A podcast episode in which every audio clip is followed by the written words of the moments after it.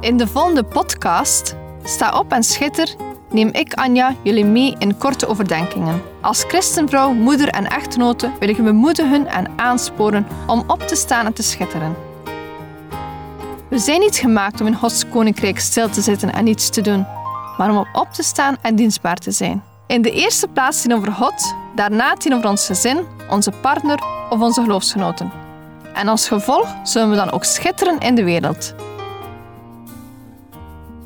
Neem je Bijbel bij de hand, want zonder Bijbel zijn we als een kok zonder eten of een zanger zonder stem.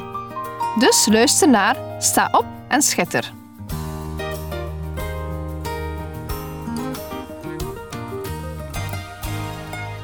Hier bij ons is het weer de tijd van het jaar waarin de moeders in de bloemetjes worden gezet. Moederdag. Een dag waarop moeders verwend worden met bijvoorbeeld ontbijt op bed, cadeautjes, gedichten of bloemetjes. Moederdag is een feestdag die wordt gevierd ter ere van het moederschap en de invloed die moeders hebben op de samenleving. Moederdag wordt meestal in maart, april of mei gevierd. Dit verschilt per regio en land. Moederdag gaat niet altijd gepaard met vreugde.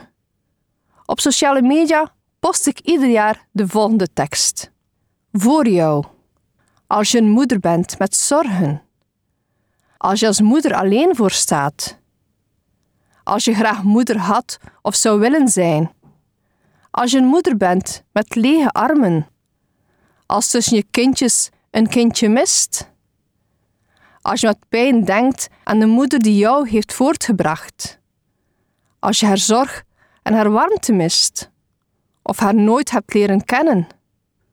Voor jou als moederdag en moeder zijn moeilijk voor je is. Dank je wel dat je er bent. En dat je op jouw manier een moeder bent voor de wereld. Het is een tekst die mij steeds zo hard raakt. Ik ken vrouwen die een grote kinderwens hadden, maar die nooit hun wens in vervulling zagen gaan. Ik zie moeders die treuren om een kind die ze verloren hebben. Ik zie vrouwen worstelen met hun identiteit door het slechte voorbeeld die ze van hun eigen moeder gekregen hebben. Ondanks dit alles wil ik toch stilstaan bij moederschap. Moederschap gaat voor mij veel verder dan het dragen van een eigen kind in je buik. Als christenvrouw kun je ook een geestelijke moeder zijn, bijvoorbeeld adoptiemoeder, pleegmoeder, door je werk als opvoedster, zondagsschool of kampleiding mogen stilstaan dat we als christenvrouwen steeds een voorbeeldfunctie uitoefenen naar de volgende generatie, als je nu zelf kinderen hebt of niet. Ik vind moederschap iets moois, maar ook zeer moeilijk.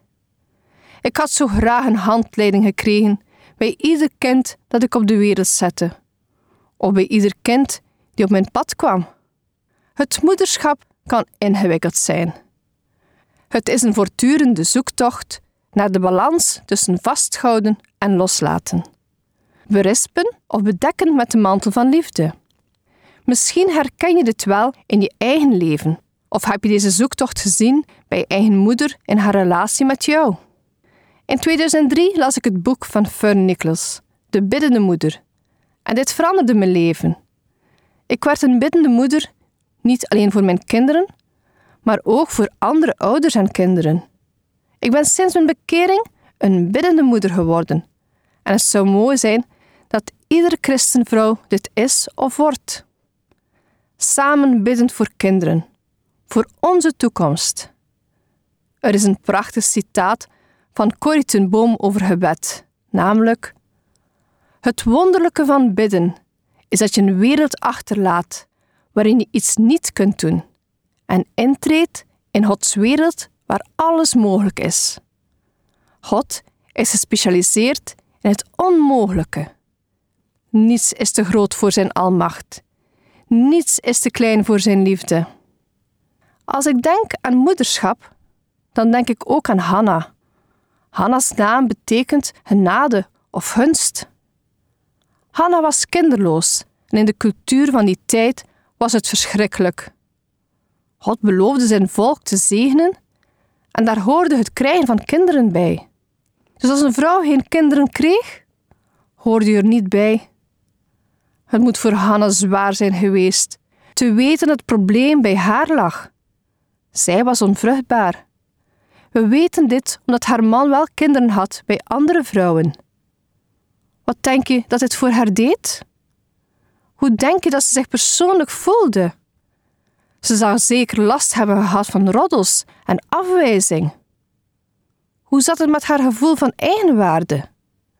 Er was iets mis met haar. Was het dan ook niet normaal dat ze vol tranen bad naar God? In 1 Samuel versen 10 en 11 staat: Bitter van gemoed bad zij tot de Heere, en zij huilde erg. Zij legde een gelofte af.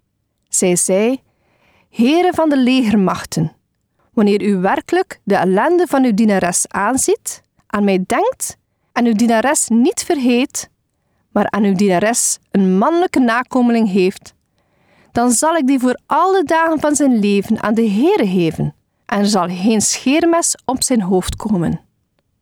Ze verlangde zo hard naar een kind, dat ze een belofte deed aan God. Als hij haar gebed zou verhoren, zou ze het kind aan hem teruggeven. Haar verlang moet wel zeer groot zijn geweest om zo'n uitspraak naar God te maken.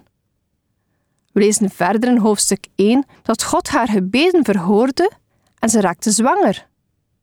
In vers 20 staat er: Het gebeurde na verloop van dagen dat Hanna zwanger werd.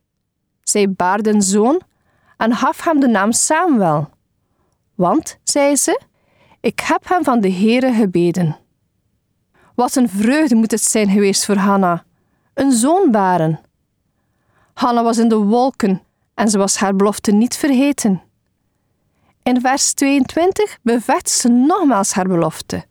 Daar zei ze: Als de jongen van de borst af is, zal ik hem brengen, zodat hij voor het aangezicht van de Heere verschijnt en daar voor eeuwig blijft. Wat zou er door haar gedachten zijn gegaan wanneer ze haar zoon de borst gaf? Zou het ooit in haar zijn opgekomen om haar woord niet te houden? Zou ze ooit spijt hebben gehad over de belofte die ze maakte?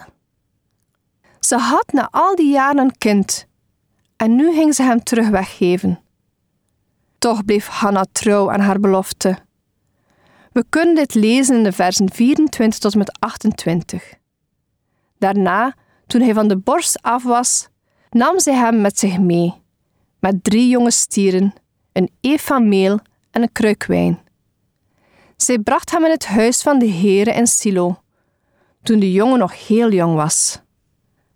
Zij slachten de stier en brachten de jongen bij Eli.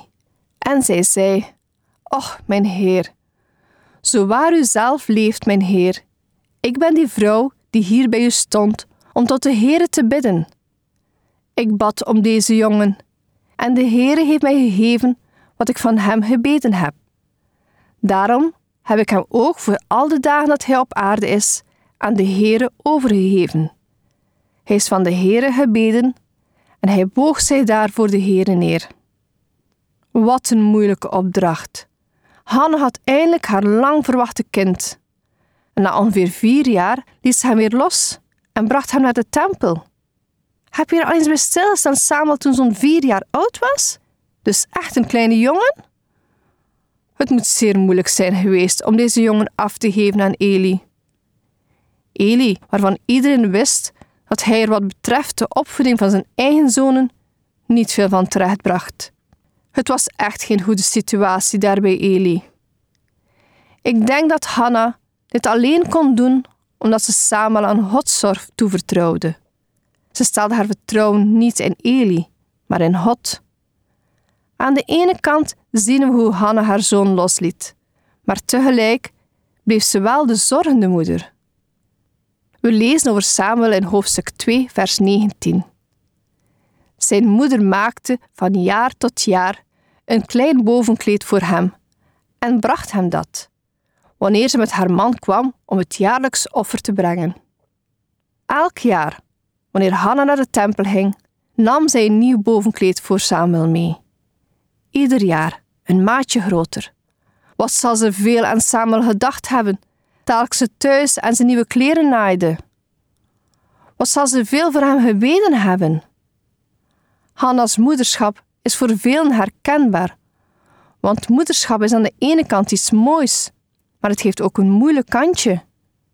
Als we kinderen krijgen, is het maar voor even. Ze gaan op een dag allemaal hun eigen weg. Het is zo belangrijk om de periode van opvoeden goed te gebruiken. Misschien heb je geen kinderen. Wees dan een moeder voor andere kinderen. We hebben allemaal een functie in het grote beeld van de kerk.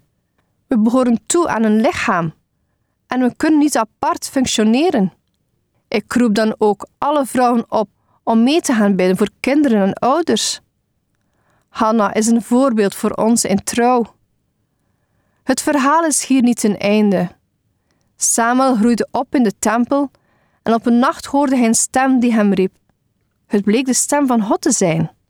God vertelde hem dat hij een einde zal maken aan Eli's leiderschap over Israël, omdat zijn zonen zich misdragen.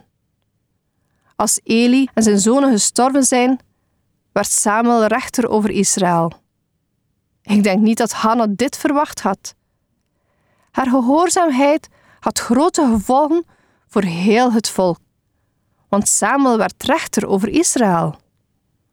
Ook wij hebben een opdracht. Ieder kind is door God gemaakt en behoort hem toe. We moeten er zorg voor dragen en ze onderwijzen in Gods woord. Moeders, ook geestelijke moeders, krijgen hun kinderen niet voor zichzelf, maar voor God. Dat betekent vasthouden, loslaten en aan God toevertrouwen. Laten we allemaal opstaan in moederschap en schitteren. Deze podcast kun je steeds opnieuw beluisteren via de website en app van twr.be. Als je deze aflevering leuk vond en je wilt de podcast helpen ondersteunen, deel hem dan met anderen. Heb je gebed nodig of wil je reageren op deze uitzending? Zend dan gerust een mailtje naar anja.twr.be. Bedankt voor het luisteren.